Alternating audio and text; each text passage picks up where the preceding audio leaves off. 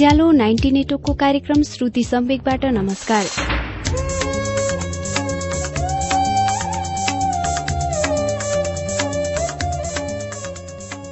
वरिष्ठ साहित्यकारहरूको उत्कृष्ट गद्यहरू वाचन गरिने कार्यक्रम श्रुति सम्वेकको आजको श्रृंखलामा हामी एउटा उपन्यास लिएर आएका छौं। मंगलबारको श्रुति सम्वेकमा आजदेखि श्रृंखलाबद्ध रूपमा एउटा बंगाली उपन्यासको अनुवाद प्रस्तुत गर्दैछौ। चर्चित लेखिका तसलिमा नसरिनको उपन्यास प्यासभित्रको विद्रोह आजदेखि वाचन हुन्छ। यसलाई नेपालीमा महेन्द्र महकले अनुवाद गर्नुभएको छ। कार्यक्रम श्रुति सम्वेकमा हामीले सुनाएका उपन्यासहरू बारेको श्रोता प्रतिक्रियालाई पनि कार्यक्रममा स्थान दिने भएका छौं। त्यसैले तपाईँले सुन्नुभएको उपन्यासबारे प्रतिक्रिया लेखी पठाउनुहोला। यसका लागि कार्यक्रमको ठेगाना पछि बताउनेछौ। प्यासभित्रको विद्रोहको पहिलो श्रृंखला अब सुनौ अच्युत घिमिरेबाट।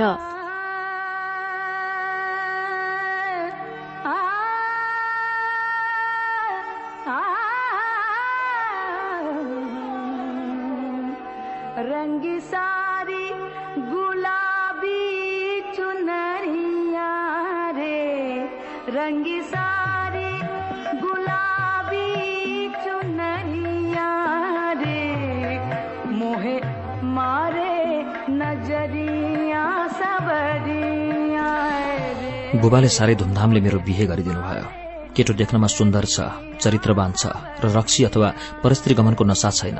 राम्रो जागिर छ। समाजमा राम्रो इज्जत कमाएको छ। यस्तो केटालाई पनि मन नपराउ त। यो त हुनै सक्दैन थियो। त्यति बेलासम्म मैले उच्च माध्यमिक तहको परीक्षा दिइसकेकी थिएँ।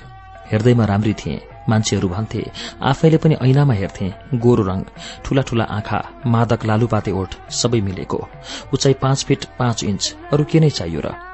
बाल्यावस्था छँदा मान्छेले भनेको सुन्थे हिरालाई के को चिन्ता? राम्रो लोग्ने पाउनेछ। मेरो बाक्लो लामो कालो केस कम्बरदेखि तलसम्म पुग्थ्यो। आमाले रिठाले कपाल धोइदिनुहुन्थ्यो र भन्नुहुन्थ्यो यस्तै केटी लाखौंमा पनि पाइन्न। म राम्रो मूल्यमा बित्नेछु भन्ने ज्ञान मलाई बाह्र वर्षकै उमेरमा दिइएको थियो।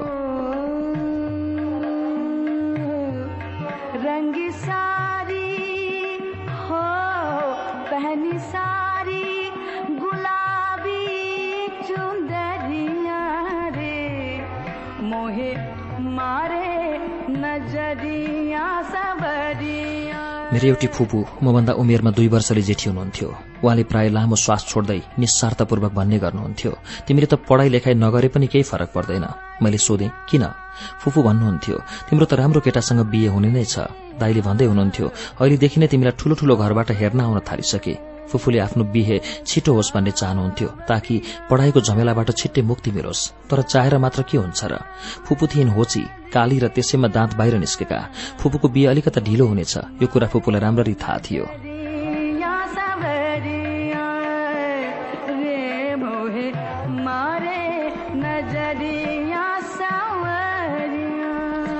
म अलिकता केही बढी नै सुन्दर थिएँ। त्यसैले स्कूल कलेजमा मलाई एक्लै जान दिइएन।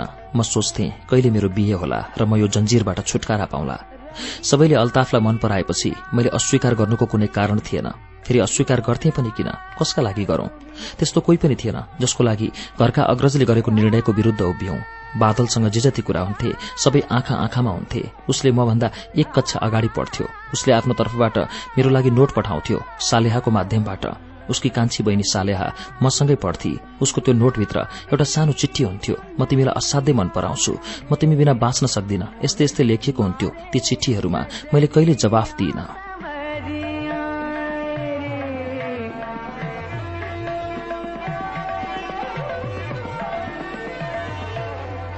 बादल मलाई मन पर्थ्यो भन्ने जस्तो कुरा केही पनि थिएन।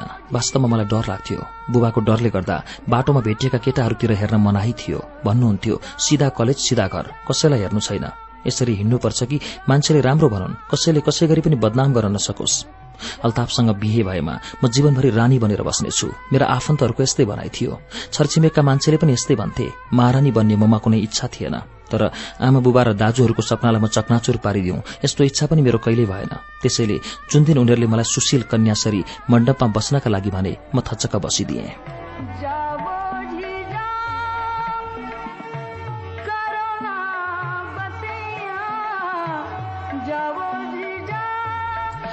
अल्ताफ सड़क विभागमा इन्जिनियर छ।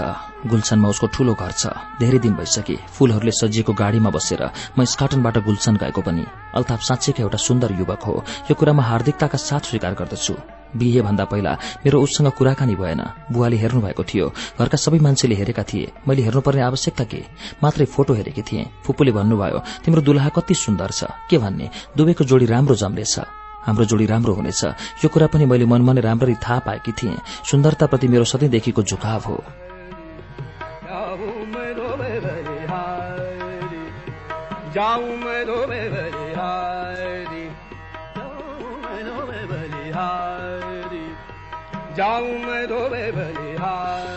तर अब बिहे भएको एक महिनापछि जब म सुटकेस समातेर जन्मघर फर्किआएँ तब सबैले अचम्म मानेर सोधे अल्ताफ खोइ त? आएन म एक्लै आएँ मेरो उदास जवाफ थियो। एक्लै एक्लै किन? घरकाहरूले सोधे। यसको जवाफ मलाई थाहा थिएन। धनवान र चरित्रवान पतिलाई छोडेर म एक्लै जन्मभर आउनु उचित भएन। यो कुरा घरका सबै सदस्यहरूले मलाई घुमाई फिराई सम्झाए। बुबाको घरमा धेरै दिनसम्म बस्न पाइन। सासू आफै नै गरेर ल्याउनुभयो। भन्नुभयो बिहेपछि बारम्बार र छिटो छिटो बुबाको घर आएमा मान्छेले कुरा काट्न थाल्छन्। मेरो बुबा आमाले पनि भन्नुभयो उनीहरूले आउन दिएमा मात्रै आउनु। आफ्नो इच्छाले फेरि कहिले नआउनु। बिहे भइसकेको छ। अब उनीहरूले जस्तो भन्छन् जे गर्नका लागि भन्छन् त्यस्तै गर्नु।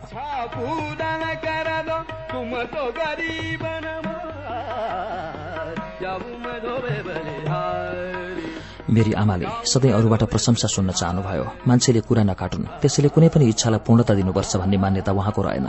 पति र सासू ससुराको सेवा गरेमा मान्छेले राम्रो भन्छन्। त्यसैले मन लगाएर उनीहरूको सेवा गर्नुपर्छ। उनीहरू मबाट कुनै पनि कुराले असन्तुष्ट हुन नपाउन्। सासू ससुरा मसँग खुशी छन् वा छैनन् म भन्न सक्दिन। जुन कोठा मलाई र अल्ताफलाई सुत्नका लागि दिइएको छ त्यही कोठामा मेरो अधिकांश समय बित्छ। बिहेपछि अल्ताफले मसँग भन्यो अचेल आराम गर। यसपछि त सम्पूर्ण जिम्मेवारी तिमीले नै लिनु छ। कहिले आराम गर्न पाउने छैनौ। यो कुराले मलाई धेरै बेरसम्म घोत्तिन बाध्य बनायो। त्यसपछि मैले सोधेँ हो र सबै जिम्मेवारी मेरो मात्रै बन्छ? तपाईँको केही जिम्मेदारी रहँदैन?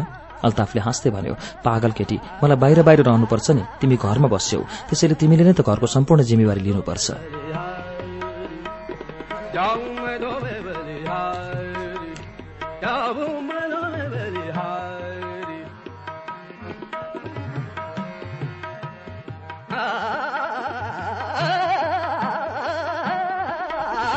कस्तो जिम्मेवारी? मैले पनि थाहा पाउँछु कि मैले प्रश्न गरेँ जस्तै सरसामान मगाउनु भान्साको काम गराउनु घरको पूरा हेरविचार अनि मेरो हेरविचार। अब यस घरकी बुहारी भइसक्यो। अब मलाई के को चिन्ता? यो सबै भन्दै गर्दा अल्ताफले मेरो कम्बरलाई आफ्ना गठिला बाहुपासले बाँध्थ्यो। मैले स्वयंलाई बारम्बार यही प्रश्न गर्न थाले। म अल्ताफको घरमा किन बस्छु? प्रश्नको उत्तर स्वत मेरो सामु अक्षरशाह प्रकट हुन्थ्यो। मैले अल्ताफलाई सुख दिनु छ। शारीरिक र मानसिक सुख अल्ताफको घरको मैले शोभा बढाउनु पर्नेछ। अनि फेरि आफैसँग प्रश्न गर्थे मेरो शोभा कसले बढाउला त? मेरो शोभा त मेरो छालाको रंग र मादकतामा छ। मेरो कालो कपालको लम्बाई मेरो कम्बर नितम्ब र बक्षको बनावटमा छ जुन कुराको मैले आफैले सुरक्षा गर्नु छ।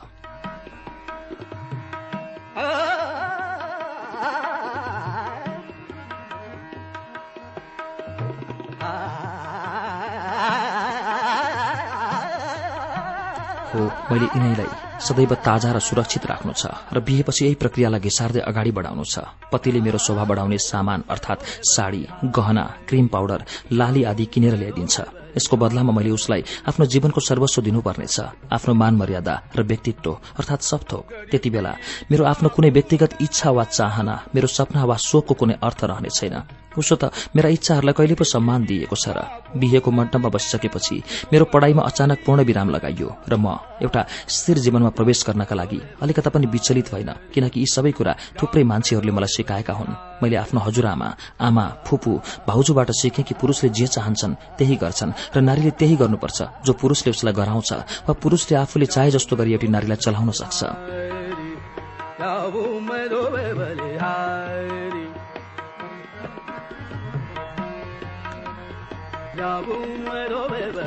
हजुरआमा आमा भाउजूहरू कहिले पनि आफ्नो पतिको आज्ञा बिना घरबाट एक कदम पनि बाहिर निस्कनु भएन। मलाई पनि उनीहरूले यही सिकाउन चाहन्थे ताकि म पनि उनीहरू जस्तै बनौ समाजका अरू नारीहरू जस्तै बनौ। उसो त मेरो यही विचारधारामा पालन पोषण भयो। तसर्थ त्यसैको अनुपातमा मेरो बुद्धिको सीमारेखा पनि कोरियो। तर बिस्तारै यो सीमारेखालाई पार गर्ने इच्छा म भित्र जागृत भयो। कसरी भयो? किन भयो? यो मैले बुझ्न सकिन। तर पनि इच्छा भयो। आमा बुबालाई भेटेर आऊ पतिको घरबाट निस्किएँ। एक्लै बुबाको घर पुगेर यति मात्र भन्न सके। हो म एक्लै आएकी छु।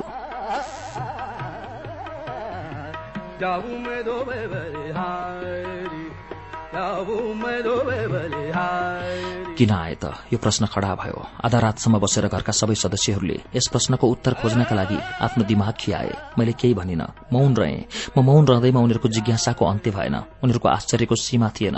त्यसपछि पति र सासू जब मलाई लिन आए तब मलाई फर्कने मन थिएन। तर आउनु पर्यो। कोसँग पो बस्थे र म? आमा बुबा र दाजुहरूसँग? उनीहरू पनि त मलाई राख्न तयार छैनन्। उनीहरूले नै त मलाई जबरजस्ती पतिका घर पठाइरहेका छन्।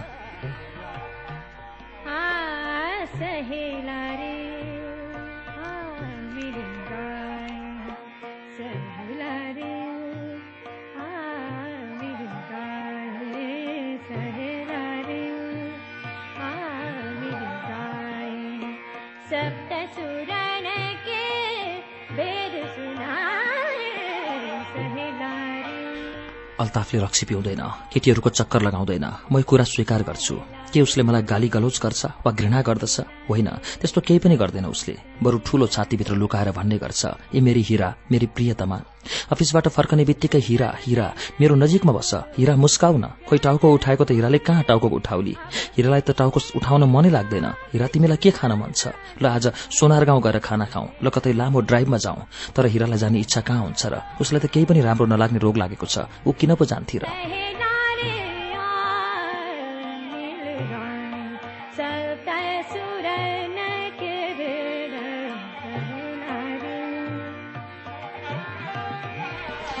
मेरी आमा आउनुभयो मलाई अनि ज्वाइँलाई भेट्न। उहाँका आँखामा शंकाका रेखाहरू झिलमिलाउँदै थिए। आमाले मलाई एकान्तमा देखेर सोध्नुभयो कि अल्ताफले तिमीसँग दुर्व्यवहार गर्छ? म झ्याल्नेर उभिएर नै उदास जवाफ दिन्छु। गर्दैन। तिम्रो सासू ससुरा कि उनीहरूले तिमीलाई माया गर्दैनन्? आमाले सानो स्वरमा कानिनेर भन्नुभयो गर्छन्। मैले औंलाहरूले झ्यालको फोहोर कोट्याउँदै जवाफ दिएँ। र अल्ताफले अल्ताफले पनि गर्छ। मेरो स्वर धेरै सानो भइसकेको थियो। ठिक समयमा अफिसबाट फर्किन्छ? हो ठिक समयमा फर्किन्छ। के तिमीलाई खाना पकाउनका लागि भन्छ? भन्दैन। यो सबै काम त नोकरहरूले नै गर्छन्। घुमाउन लान्छ कि लाँदैन? लैजान्छ त्यस दिन चिडगाउँ गएका थियौं। त्यसो भए तिमी किन बस्न चाहन्छौ? तिमीलाई के भएको छ? यसको कुनै प्रत्युत्तर दिन सकिन मैले। मैले बुझाउन सकिन कि मलाई किन राम्रो लाग्दैन? किन अल्ताफ जस्तो राम्रो मान्छेलाई मैले माया गर्न सकिरहेको छैन? किन एउटा सरिदय र चरित्रवान लोग्नेको घर छोडेर बारम्बार कतै जान चाहन्छु?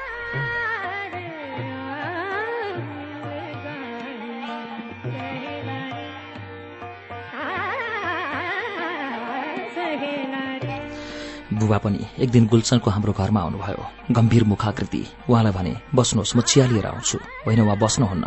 उहाँलाई मसँग केही गम्भीर कुरा गर्नु छ। के कुरा छ? तिम्रो समस्या के हो? समस्या भन्नाले तिमी माइती आउनका लागि तछाड मछाड गर्छौ रे हजुर गर्छु। किन? के तिमीलाई त्यहाँ खाने बस्ने केही समस्या छ? छैन। जे आवश्यक हुन्छ त्यो के अल्ताफले तिमीलाई दिँदैन? मतलब? मतलब यो कि कस्मेटिक साडी कपडा गहना जब कुनै कुराको आवश्यकता पर्दछ रुपियाँ पैसा आदि अँ त्यो त दिन्छ। उसो भए यसको मैले कुनै जवाफ दिन सकिन। बुबाले जाने बेलामा मलाई भन्नुभयो वास्तवमा समस्या तिमी आफै हौ। तिमी भित्रै छ समस्या। यति राम्रो केटा पाएर पनि तिम्रो मनले मान्दैन। अल्ताफ हिरा हो हिरा। उसलाई लोग्नेको रूपमा पाउनु त ठूलो भाग्यको कुरा हो। पूरा ढाका सहर खोजेर पनि तिमीले यस्तो केटो पाउनौ। तिमीलाई के को कमण्ड छ? धेरै सुखमा छौ। त्यसैले तिमीलाई केही थाहा छैन। अझै पनि समय छ। सुधार आफूलाई।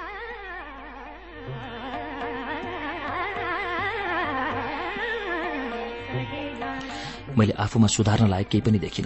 मेरो कुनै एउटा कुरामा पनि अल्ताफले अस्वीकृति जनाएन। बिहे भएको एक महिनाभित्रै म आफ्नो जन्मघर फर्किएकी थिएँ। यो विषयलाई लिएर पनि अल्ताफले कुनै गुनासो गरेन। एकपटक पनि माइती जानुको कारण सोधेन। बरु फर्केको दिन ऊ अचम्म परेको थियो। चक्क पर्ने कुरा पनि थियो कि उसका लागि यो। वास्तवमा जे जति अस्वीकृतिहरू वा बन्धनहरू छन् ती सबै मेरा आमा बाबु र सासू ससुराका हुन्। उसो त म दिउँसभरि मन मारेर उदास भएर कोठामा बस्छु। खाना नै नखाएर चुपचाप कोठामा बस्नु मेरो दिनचर्या नै भइसकेको छ। साजसज्जा गर्नु श्रृङ्गार गर्नु त्यस्तो केही गर्न मन लाग्दैन मलाई। बिहेपछि पनि यदि बुहारीले श्रृङ्गार गर्दिन भने के यो राम्रो लाग्छ त? सासूले प्राय अल्ताफलाई भन्ने गर्नुहुन्थ्यो किन हो? बुहारीलाई अचेल के भएको छ? जिउ सन्चो छैन कि के हो?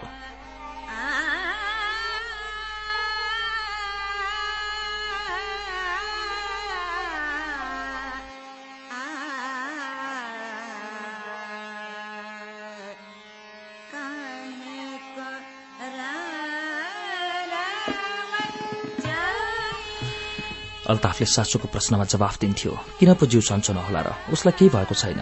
दिउँसोभरि एक्लै कोठामा सुतिरहन्छे सिडी हेर गीत संगीत मनपर्छ भने सुन भनेको केही पनि गर्दिन। सासूले भनिन् त्यस्तो केही भएको छैन। घरको सम्झना आउँछ होला। त्यसैले अल्ताफले उत्तर दियो तर घर गएर पनि यसको यही अवस्था रहन्छ नि। ठिक भइहाल्छ। यति त ससाना कुराहरूमा पनि यति धेरै सोच्नु पर्दैन आमा। उसले आफ्नै आमालाई बताउँछ।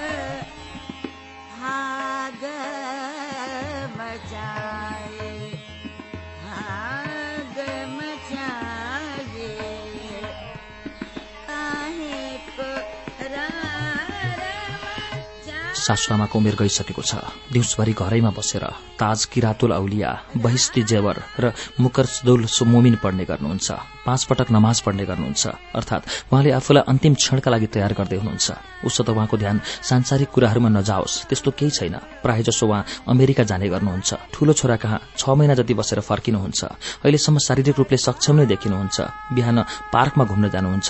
साँझ नित्य नित्य नियमपूर्वक फलहरूको रस सेवन गर्नुहुन्छ। स्वास्थ्य राम्रो नै छ। आँखाले पनि राम्रो देख्नुहुन्छ।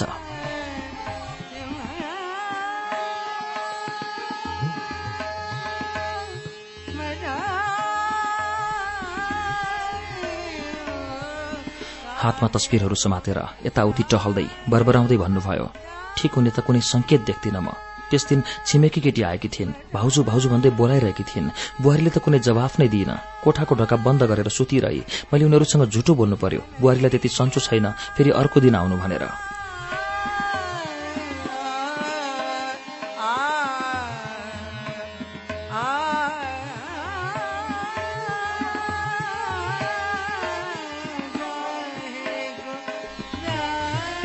अल्ताफले सुन्यो तर केही बोलेन। मैले सोच्न पनि सकिरहेकी थिइनँ कि मैले के गर्नुपर्छ। के म पहिलाकै जस्तै हाँसौँ मुस्कुराउँ? पहिलाकै जस्तो जसरी मन खोलेर बेरोकटोकले हाँस्थे कुरा गर्थे।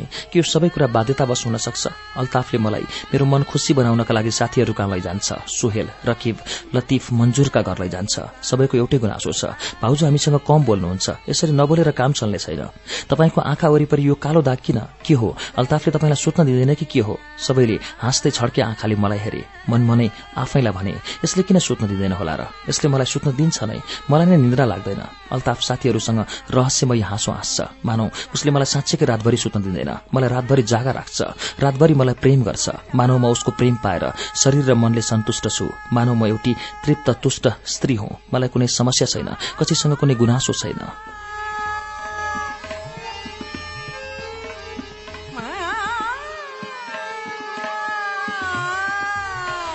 अल्ताफका साथीहरू र उनका श्रीमतीहरूले मलाई सताउन थाले। सायद भर्खर बिहे भएको छ। त्यसैले होला मलाई कस्तो खाना मनपर्छ? कस्तो खाना मन पर्दैन मलाई कस्तो कपडा मनपर्छ?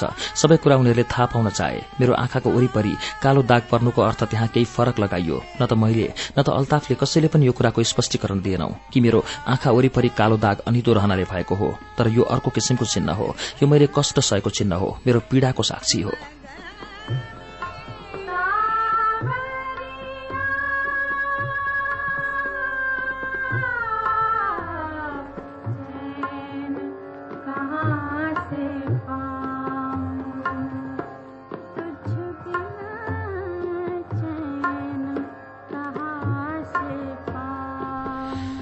मेरो दुःखपूर्ण रात्रि प्रहरको निर्माण हो।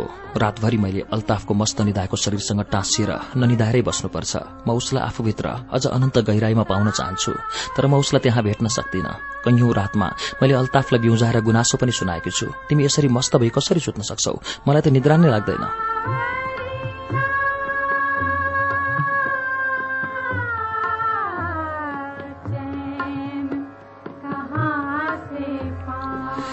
अल्ताफ भन्ने गर्छ। मैले के गर्न सक्छु भन? तिमी पनि सुत्ने प्रयास गर। निद्रा आफै बिस्तारै लाग्छ। मलाई त बिहानै उठेर अफिस जानुपर्छ। तिमीले जस्तै रातभरि अनितो भएर त मेरो काम चल्दैन। अल्ताफ सुत्छ। मेरो अनिद्राको कुनै निदानै नगरी ऊ सुत्यो। मलाई यो भन्दा लाज लाग्छ कि मलाई निद्रा किन लाग्दैन? अल्ताफलाई यसको कारण पक्कै थाहा छ कि मेरो अनिद्राको मामिला के हो? उसलाई केही कुरा थाहा नहोस्। यो कुरा मलाई विश्वास लाग्दैन। उसलाई सबै कुरा थाहा छ। सबै थाहा छ। यो सुतेको सुदर्शन पुरूषलाई मेरो सामु यसले चाहे जतिसुकै अज्ञानी बने नाटक किन नगरोस्? उसलाई सब कुरा थाहा छ।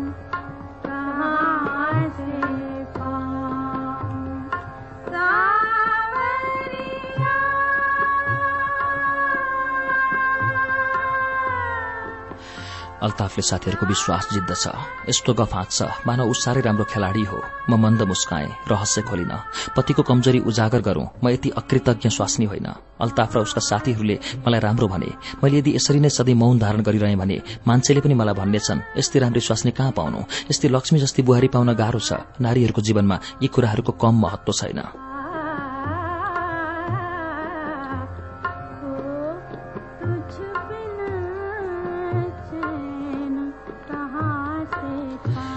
योभन्दा ठूलो प्राप्ति। नारी जीवनमा अरू के पो होला र? आमाले प्राय भन्ने गर्नुहुन्थ्यो। यस परिवारमा आजसम्म कुनै छोरी जेलीको विषयलाई लिएर अफवाह फैलिएको छैन। होस् गर्नु।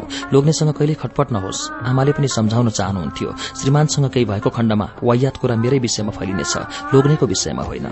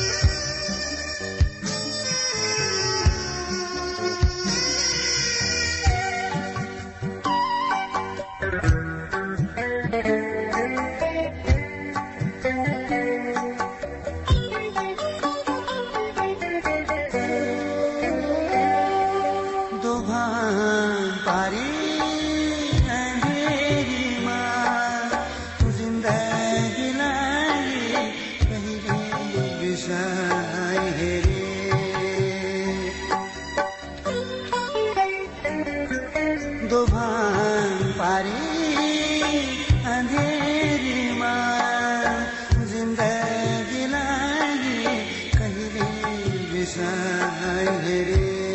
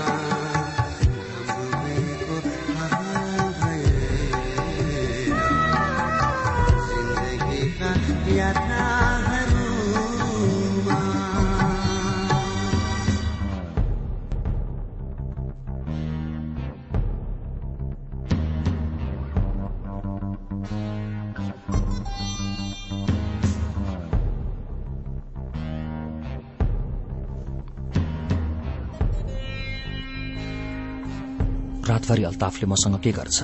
के के गर्न भ्याउँछ? केही पनि त गर्दैन। गर्ने प्रयाससम्म गर्छ।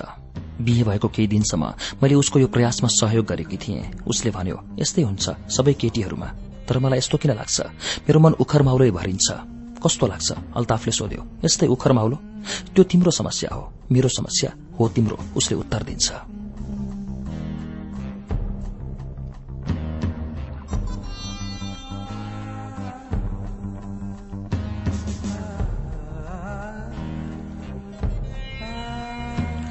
अल्ताफले जब यो भन्छ कि यो मेरो प्रब्लम हो तर मैले यो बुझ्न सक्दिनँ कि समस्या कसरी मेरो हुन सक्छ। साह्रै लाज लाग्छ। म भित्र एउटा अपराध बोधले जन्म लिन्छ। कुनै पनि काममा मन लाग्दैन। राति पनि जति बेला म बत्ती निभाएर सुत्न जान्छु तब मैले आफ्नो श्वास वेगवान भएको पाउँछु। अपराध बोध भइरहँदा म भित्र एउटा काँतरपनले जन्म लिन्छ। अल्ताफले म ओछ्यानमा पल्टिने बित्तिकै मेरो शरीरसँग टाँसिएर भन्ने गर्छ मेरी राम्री रानी मेरी प्रिया मेरो फूल।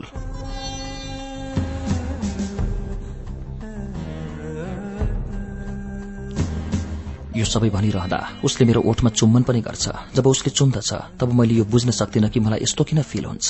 कतै त केही राम्रो पनि लाग्दछ। जब उसले भन्छ हिरा यो सब के पहिरेकी छौ? खोला यसलाई। मैले फुकाल्नै पर्दैन। उसले नै खोल्दछ। खोल्ने बित्तिकै भोको बाघ झै उसले मेरो सम्पूर्ण शरीर खान्छ।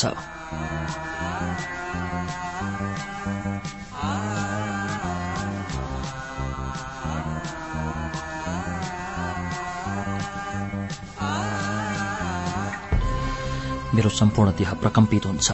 लज्जा डर अपराध बोध कहीँ केही पनि बाँकी रहँदैन। कतै केही न केही त राम्रो लाग्दछ। म उसलाई आफ्नो बाहु पासमा बेर्दछु जब उसले मेरा दुई स्तनमा मुख घोड्दछ तब म आफैले छक्क पर्दछु। अब चेतनमा मेरो मुखबाट आह आहाको आवाज निस्कन्छ। मलाई यति धेरै राम्रो किन लाग्छ? अल्ताफ पनि कराउँछ। आवाज निकाल्दा निकाल्दै उसले मेरो सम्पूर्ण देहमा स्पर्श गर्दछ र चुम्दछ। मलाई म भित्र कतै ठूलो जलस्रोत प्रवाहित भइरहेको अनुभूति हुन्छ। म पसिनामा लथपथ हुन पुग्छु। म उसलाई अझ बढी गहनताले लपेट्छु। ऊ मेरा शरीर भित्र समाहित हुन चाहन्छ कि त्यसै बेला उसलाई के हुन्छ? मैले केही बुझ्नु पूर्व नै ऊ ममाथि निढाल हुन पुग्छ। त्यति बेला पनि मेरो श्वास वेगवान भइरहेको हुन्छ। त्यति बेला पनि मेरो शरीरमा एउटा भयानक सागर उर्लिरहेको हुन्छ। अल्ताफ कोल्टो फेरेर सुतिसक्छ र म छटपटाइरहन्छु। कोल्टो फेरिरहन्छु। मलाई उखरमाउलो हुन्छ। अल्ताफ निदाउँछ घुर्न थाल्छ। मेरो समस्या कहाँ छ? मैले रातभरि खोजिरहन्छु तर भेटाउन सक्दिनँ। बारम्बार यस्तो लाग्छ कि यो जुन उखरमाउलो छ त्यही नै समस्या हो। मैले शान्त भएर सुत्नुपर्छ तर मलाई त निद्रा नै लाग्दैन।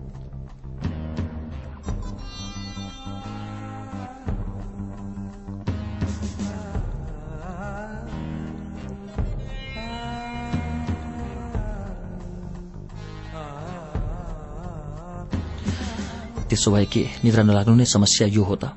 अल्ताफको मस्त निद्रा देखेर मेरो यो उखरमाउलो अझ बढ्छ मन लाग्छ उसको जस्तो गरी मस्त निदाऊ उसले झैं तृप्त भएर उसले जस्तै कसैलाई नहेरेर को सुत्यो को सुतेन यस विषयमा सोच्ने मानव उसलाई समय नै छैन मसँग पनि समय नहुँदो हो अनि म पनि निश्चिन्त भएर सुत्न सक्थें।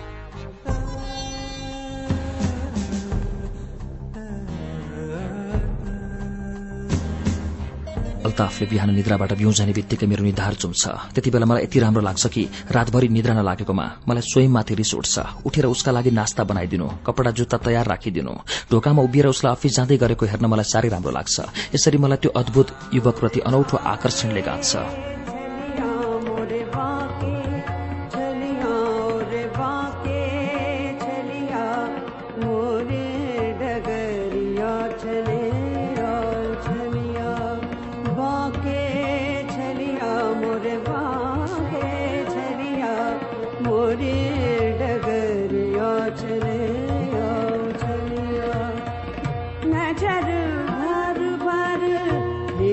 मह अल्ताफले मलाई लगभग यो कुरा बुझाइसकेको छ कि यस्तै हुन्छ। पति पत्नी बीच यस्तै हुन्छ। तर मेरो जुन छटपटी छ त्यो सबै मेरो दोष हो। म आफ्नो दोष निवारण गर्न चाहन्छु। यो छटपटी कम गर्न चाहन्छु। तर यो छटपटी त कम हुँदैन। त्यसैले म लुकी लुकी निद्राको गोली खान्छु। अफिसमा बढी काम गरेको दिन जुन दिन अल्ताफ सबेरै निदाउँछ त्यस दिन भने मलाई यो छटपटी हुँदैन। मलाई कुनै समस्या हुँदैन। म आरामले सोध्न सक्छु। वास्तवमा जब उसले मलाई चुम्बन गर्दैन मेरो शरीरबाट लुगा फुकालेर तृप्त हातहरूले मेरो देह स्पर्श गर्दैन त्यति बेला म भित्रको सागर शान्त रहन्छ। बिउजदैन र त्यो नजागेको खण्डमा मलाई निद्राको समस्याले सताउँदैन।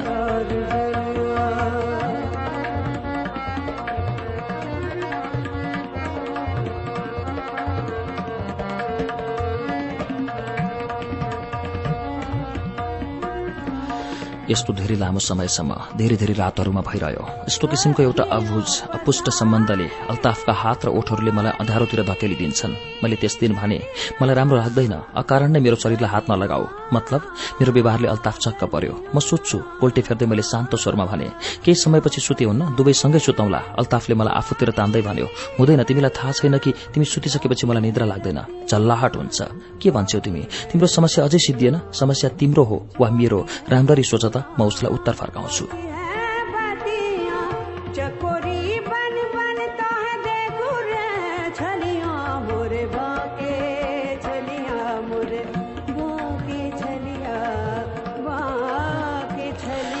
मैले आफ्नो स्वरमा पहिलाको नम्रता र मिठास नभएको अनुभूति गरे। मेरो भनाइमा कठोरता थियो। अल्ताफले भन्यो तिमीले आफ्नो शरीरमा मलाई स्पर्श गर्नबाट रोकिरहेकी छौ। उसको आवाज यस्तो थियो मानव मैले कुनै असम्भव कुरा गरेकी थिएँ। हो इन्कार गर्दैछु। मैले कोल्टो फेर्दै आँखा बन्द गरेर जवाफ दिएँ। बेकारमा यो काममा समय बर्बाद गर्नुभन्दा त सुत्नु राम्रो। म सुत्न चाहन्छु। अल्ताफले स्वीकार गर्न चाहेन। सोध्यो किन? मलाई थाहा छैन। मैले उत्तर दिएँ। तिमीलाई थाहा छैन भने अरू कसलाई थाहा छ? अल्ताफले रिसाउँदै भन्यो। म चुप लागे। त्यसपछि अल्ताफले जबरजस्ती मेरो साडी फुकाल्न थाल्यो। एक्कासी उसको हात झट्कार्दै मैले भने यो सब मलाई मन पर्दैन। म तिम्रो श्रीमान हुँ माइन्ड इट यो सब तिमीलाई राम्रै लाग्नै पर्छ। अल्ताफको आवाजमा कडापन थियो।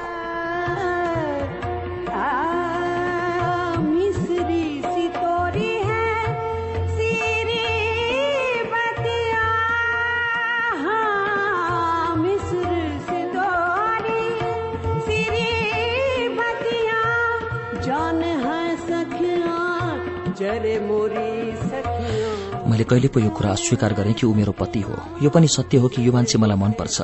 जब ऊ अफिस जानका लागि तयार हुन्छ लुगा फेर्छ खाना खाना बस्छ वा जाँदा हात हल्लाएर हाँस्दै जान्छ तब मलाई चाँडै राम्रो लाग्छ। अफिसबाट फर्केपछि उसले कुरा गर्छ हाँसो ठट्टा गर्छ मलाई राम्रो लाग्छ। तर त्यति बेला राम्रो लाग्दैन जब उसले मेरो शरीरलाई आफ्ना औंलाहरूले स्पर्श गर्दछ। शरीरमा हात लगाउँदा मेरो देहभित्र छटपट्टिको आगो सल्किन्छ। यस्तो छटपट्टि मलाई राम्रो किन लागोस्? आफ्नो शरीरलाई सताएको पीड़ा सहने क्षमता म भित्र छैन। यति सहनशीलता ममा छैन। छैन म सुतिसकेपछि त म यो भन्दिनँ कि मलाई यो चाहियो वा त्यो चाहियो तर मलाई बिउजाइएको खण्डमा भने धेरै कुरा चाहिन्छ। म नुहाउनेछु खानेछु घुम्नेछु खेल्नेछु। यदि यी सबै कुराहरूको व्यवस्थापन गर्न सक्दैनौ भने दया गरेर मलाई नबिउजाऊ।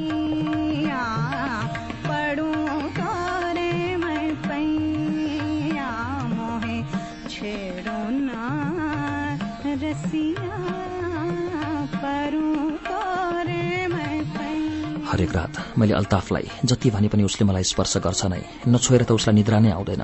छोइमा मलाई समस्या नछोइमा उसलाई समस्या। एउटा साह्रै असह्य अवस्थाको सृजना हुन्छ। जब ऊ सुत्नका लागि ओछ्यानमा जान्छ त्यति बेला म ड्राइङ रूममा पल्टेर कुनै पुस्तक वा पत्रिका पढिरहेकी हुन्छु। सुत्नु जानु नपरोस् भन्नका लागि कुनै बाहना खोज्दै हुन्छु। धेरै बेरसम्म बेडरूममा मलाई पर्खेपछि अल्ताफ ड्राइङ रूममा आउँछ। के भएको छ? सुत्ने होइन? उसले मात्र एउटा लुङ्गी लगाएको हुन्छ। उसको नाङ्गो शरीर देखेर मलाई घृणा लाग्छ। कति पटक भनेकी छु सुत्ने बेला ट्राउजर लगाऊ टी सर्ट वा गन्जी त लगाऊ तर उसले लुङ्गी छोड्दैन नाङ्गै रहन्छ। आफ्नो छातीमा हातहरू घुमाएर टाढैबाट मलाई हेर्छ टाढाबाट जसरी भोको कुकुरले मासुको थुप्रो देखेर जिब्रो काट्दछ। सायद अल्ताफले पनि मुख मिठ्याउँछ होला।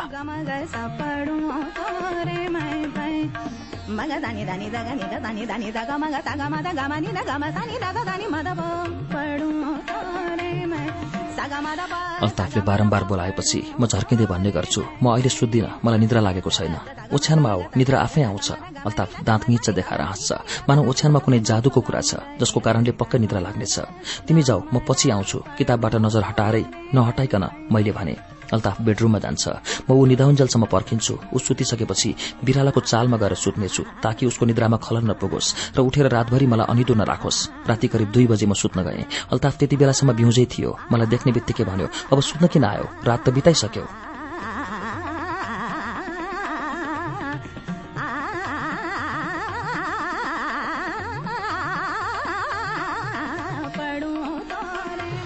उसको आवेगको कारणलाई मैले महसुस गर्न सक्छु तर मलाई नै राम्रो लाग्दैन भने म के नै गर्न सक्छु? उसले म भित्र केवल आगो बाल्छ निभाउने काम गर्दैन। यो म कसरी स्वीकार गरौं? आगो निभाउने तरिका त मलाई थाहा छैन। थाहा भइदिएको भए अवश्य प्रयास गर्थे होला। म अर्कोतिर फर्केर सुते। अल्ताफको प्रश्नको मैले कुनै जवाफ दिइन या भनौं आवश्यकता देखिन। के कारण हो? गफ पनि गर्दिनौ कुरा गर्न मन छैन। उसको आवाज जति तीव्र छ मेरो आवाज त्यत्तिकै मन्द छ। म ओछ्यानको एउटा भागमा अल्ताफको शरीरले मलाई स्पर्श गर्न नसक्ने गरी सुते। तिमीलाई के भएको छ भन त? अल्ताफले गम्भीर आवाजमा सोध्यो केही भएको छैन? मैले उत्तर दिएँ। केही भएको छैन भन्दैमा हुन्छ। तिमीलाई केही त भएकै छ। तिमी मसँग लुकाउँछौ। सायद। म दिउँसभरि कसका लागि काममा खटिन्छु भन त? यस परिवारका लागि तिम्रो लागि र घर फर्केपछि उदास मुहार हेर्नुपर्छ भने के मलाई राम्रो लाग्छ? तिमीलाई के चिजको यति धेरै दुःख छ? यसको जवाफ दिन मैले। लाज लाग्छ झ्याउ लाग्छ। किन? मन उदास रहन्छ। थाहा छ। दुःखको कारण पनि थाहा छ। बुझेको छु तर बुझाउन सक्दिन। अल्ताफ रिसाउँछ अस्थिर बन्छ।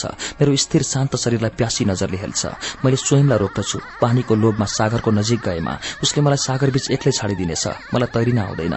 डुब्नेछु अत्तालिनेछु डराउनेछु। साह्रै पीड़ा हुनेछ। यही सोचेर मैले स्वयंलाई रोकेँ। मैले सानो आवाजमा भने भोलिदेखि म अर्को कोठामा सुत्नेछु।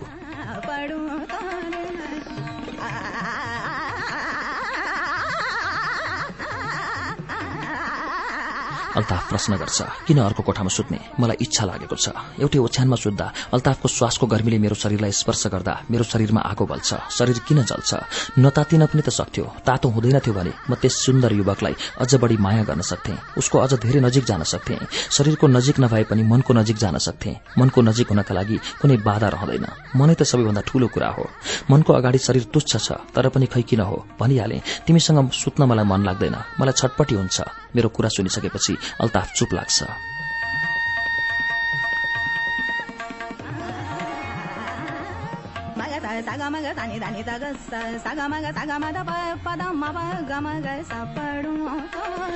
मलाई अल्ताफप्रति दया लाग्छ। दया पलाएकै कारणले यदि मैले उसलाई अङ्कमाल गर्न पुगेँ भने उसले मलाई चुम्नेछ। अँध्यारोमा प्रेमको यो एउटा स्पर्शले मेरो शरीरलाई शिथिल गर्नेछ। अल्ताफलाई म प्रेम गर्न चाहन्छु तर यही कारणले मात्रै गर्न सक्दिन। टाँसिनु चुम्नु आदिले मलाई भयानक पीड़ा दिन्छ साह्रै अस्थिर बनाउँछ।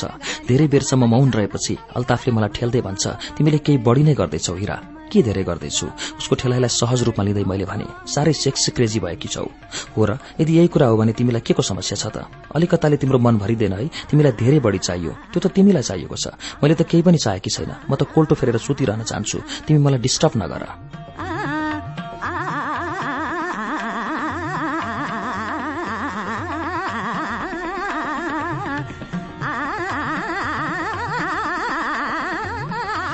अल्ताफ मसँग प्रश्न गर्छ। मैले तिमीलाई छुँदा तिमीलाई डिस्टर्ब हुन्छ हो डिस्टर्ब हुन्छ। के भन्दैछौ तिमी? अल्ताफ एकाएक उठेर बस्यो अनि भन्यो तिमीले मेरो अपमान गर्दैछौ हिरा हो गर्दैछु। अल्ताफको श्वास एकदमै बेगवान थियो अनि मलाई हल्लाउँदै भन्यो कि तिमीले यो बिर्सँदैछौ कि म तिम्रो पति हुँ? अह कति पनि बिर्सेको छैन। किन बिर्सौँला? उसो भए तिमीले मलाई किन सहन सक्दिनौ त? कि म तिम्रो पराई हुँ? श्रीमान भएकै कारणले कोही आफ्नो हुन्छ भन्नु पनि त ठिक छैन। अल्ताफ ओछ्यानमा बसेको थियो उठ्यो कोठामा यताउति गर्न थाल्यो। उसको रिसलाई मैले महसुस गरिरहेको थिएँ। उसले भन्यो उसो भए तिम्रो आफ्नो को हो? मलाई पनि त सुनाऊ।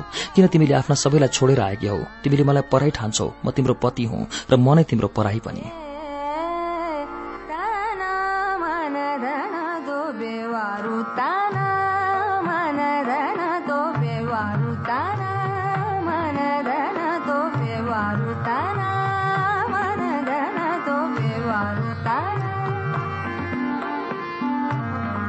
म पल्टिएँ र चिरानी छातीमा टाँसेर लामो निश्वास छोड्दै भने मलाई सुत्न देऊ यति राति मलाई तिमीलाई यी उल्टा सिधा कुरा सुन्ने मन छैन।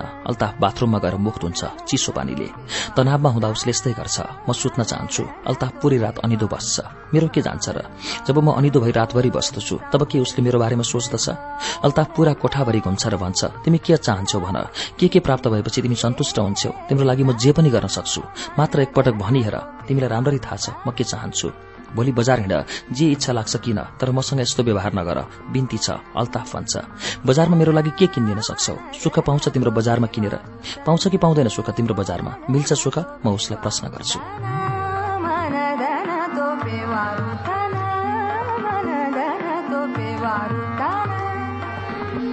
म भित्र रिसको आगो देखेर अल्ताफ मौन हुन्छ मौन हुनुको विकल्प उसँग केही पनि छैन उसले गर्न पनि के सक्छ र म उसलाई दोष दिन्न तर उसले मलाई तडपाएर किन मार्छ कि मेरो सन्तुष्टि भन्ने केही हुँदैन कि मैले यो रित्तोपनालाई नै आफ्नो प्राप्ति मान्नुपर्छ रात पर्दै गयो अल्ताफ एकपटक सुत्छ फेरि उठ्छ फेरि सुत्छ आवेगित श्वास लिन्छ अनि म सुतेँ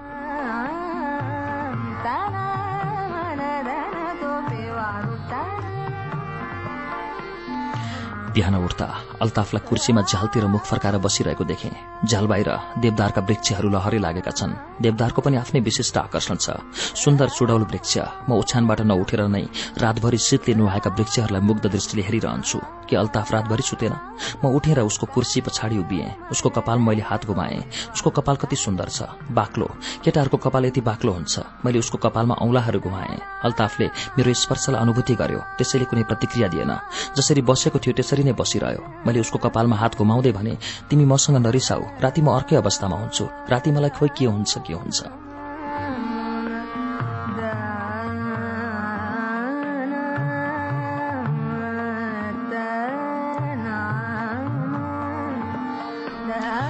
अकस्मात मैले अल्ताफलाई एउटा बालक झै निर्दोष देखेँ। उसले नसुतेरै रात बितायो भन्ने कुरा सम्झेर मलाई पनि दुःख हुन्छ।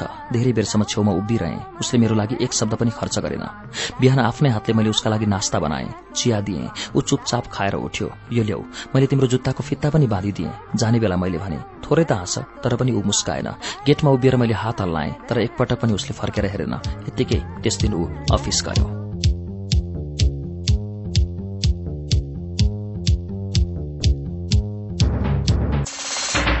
कार्यक्रम श्रुति सम्वेगमा अहिले सुनाइएको वाचन थियो तसलीमा नसरिनको उपन्यास प्यासभित्रको विद्रोहको पहिलो श्रृंखला यो बंगाली उपन्यासलाई नेपालीमा महेन्द्र महकले अनुवाद गर्नुभएको हो। उपन्यासको बाँकी अंश अर्को मंगलबारको श्रुति सम्वेगमा आजकै समयमा सुनाउनेछौ। हवस् आजको लागि श्रुति सम्वेकको समय सकिएको छ। उज्यालो नाइन्टी नेटोको कार्यक्रम श्रुति सम्वेक तपाईँलाई कस्तो लाग्यो? प्रतिक्रिया दिन नबिर्सनुहोला। हाम्रो ठेगाना हो। कार्यक्रम Shruti Sambeg post box number छ चार छ नौ काठमाडौँ। हाम्रो इमेल ठेगाना हो। SHRUTI at UNN dot com dot NP शुक्रबारको श्रुति सम्वेगमा आजकै समयमा फेरि हाम्रो भेट हुने नै छ। त्यसबेला हामी तपाईँलाई कृष्ण धरावासीको उपन्यास राधाको वाचन सुनाउनेछौ। त्यसबेला सम्मका लागि प्राविधिक साथी दिनेश निरौला र विशालजित पालिकेसँगै अच्युत घिमिरे र म सजिता हमाल विदा चाहन्छौ। शुभरात्री।